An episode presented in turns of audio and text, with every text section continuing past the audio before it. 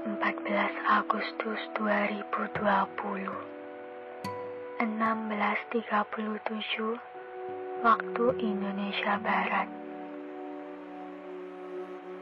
Hai Di sini aku mau bilang sama kamu bahwa terima kasih banget sudah mau selalu ada. Terima kasih secara tidak langsung sudah menjadi support system untukku. Sebelum ada kamu, pikiranku berantakan, gak karuhan. Tapi semenjak ada kamu, perlahan menjadi berwarna dan sedikit merasa aman. Entah ya, Tuhan punya cara kerja yang sangat baik untukku. Karena telah dipertemukan denganmu, seseorang yang baru kali ini, aku merasa bahwa satu frekuensi. Ini gak mungkin kebetulan. Pemilik semesta sudah mengaturnya kamu datang pada saat yang sangat tepat. Kamu seseorang yang sangat baik, maka akan sangat berat jika nantinya tanpamu. Seorang teman yang belum pernah aku temui dari sebelumnya. Ini indah, sangat indah. Dengan coretan pena ini, aku persembahkan curahanku untukmu. Ini adalah isi surat pertama saya yang saya beri kepada dia. Dia orang baru dalam kehidupan saya yang telah memberi cerita cerita yang selalu saya nanti-nanti halaman selanjutnya. Ternyata, ketika saya nanti, justru berakhir tragis, sangat pilu. Hadirnya membuat saya percaya bahwa hal indah akan selalu ada ketika kesedihan menghampiri. Lagi-lagi saya terlalu terbawa perasaan. Saya sudah mencoba untuk bersikap biasa saja kepada dia. Layaknya saya berteman dengan sahabat-sahabat laki-laki saya yang lainnya.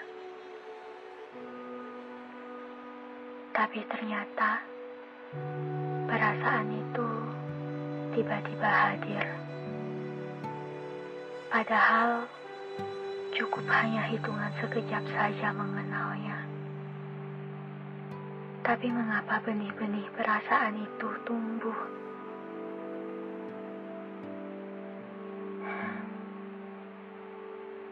Pertemuan yang rumit. Setiap harinya saya selalu takut takut dengan hal-hal yang memilukan akan datang karena telah jatuh cinta dengannya. Mau dihindari juga percuma.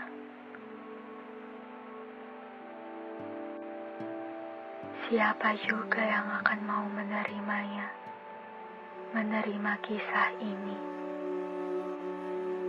Cukup seorang prince yang saya ceritakan di podcast-podcast sebelumnya. Podcast episode 1 dan podcast episode 4. Itu saja yang menjadi terakhir kalinya yang menghancurkan perasaan saya. Saya nggak mau lagi karena ini terlalu melelahkan. Pikiran saya semakin beradu dengan hati saya Raga saya sudah mencoba menjelaskan kepada pikiran dan hati saya bahwa semua bisa diatasi. Tapi percuma. Mereka sudah terlalu nyaman dengan kehadiran dia. Ternyata benar, nyaman adalah jurang yang sangat menjebakkan. Saya nggak bisa, nggak bisa jika harus berhadapan dengan perpisahan lagi. Tunggu, awalnya saya memang sudah biasa dengannya. Jawab pesan dengan biasa, terkadang juga tidak terlalu cepat. Tapi dia sendiri yang seperti menarik saya seperti mengajak menelusuri dunianya. Ini gak adil banget, tau gak sih? Hei kamu, yang nantinya entah akan dengar podcast ini atau tidak. Kenapa kamu bertingkah seperti ini? Kamu seakan memberi harapan, dan ketika harapan itu telah aku terima, mengapa kamu menghilang? Mengapa kamu seperti perlahan menjauh? Langkah demi langkah, ragamu sudah tak terlihat.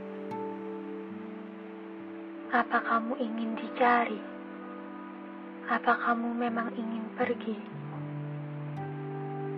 Beri aku jawaban agar nantinya tak akan muncul sebuah angan.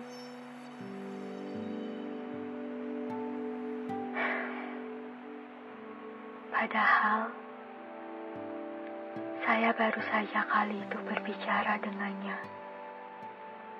Bahwa hadirnya membuat saya lupa dengan masalah saya. Dan dirinya dapat membuat saya bangkit. Ini makanya kenapa kita perlu menjaga jarak dengan orang baru karena orang baru lebih terlihat indah dan menarik. Kenyamanan menjadi alasan satu-satunya ketika perasaan itu muncul. Berbicara dengannya, melakukan aktivitas dengannya. Kalau setiap saat selalu dilakukan bersama, maka akan kemungkinan kenyamanan itu akan menjemput. Nyaman memang sesuatu yang jahat, tapi bukankah kita sendiri yang menciptakan? Seharusnya kita juga perlu sadar bahwa rasa nyaman ada karena kita yang terlalu berlebihan menyikapinya.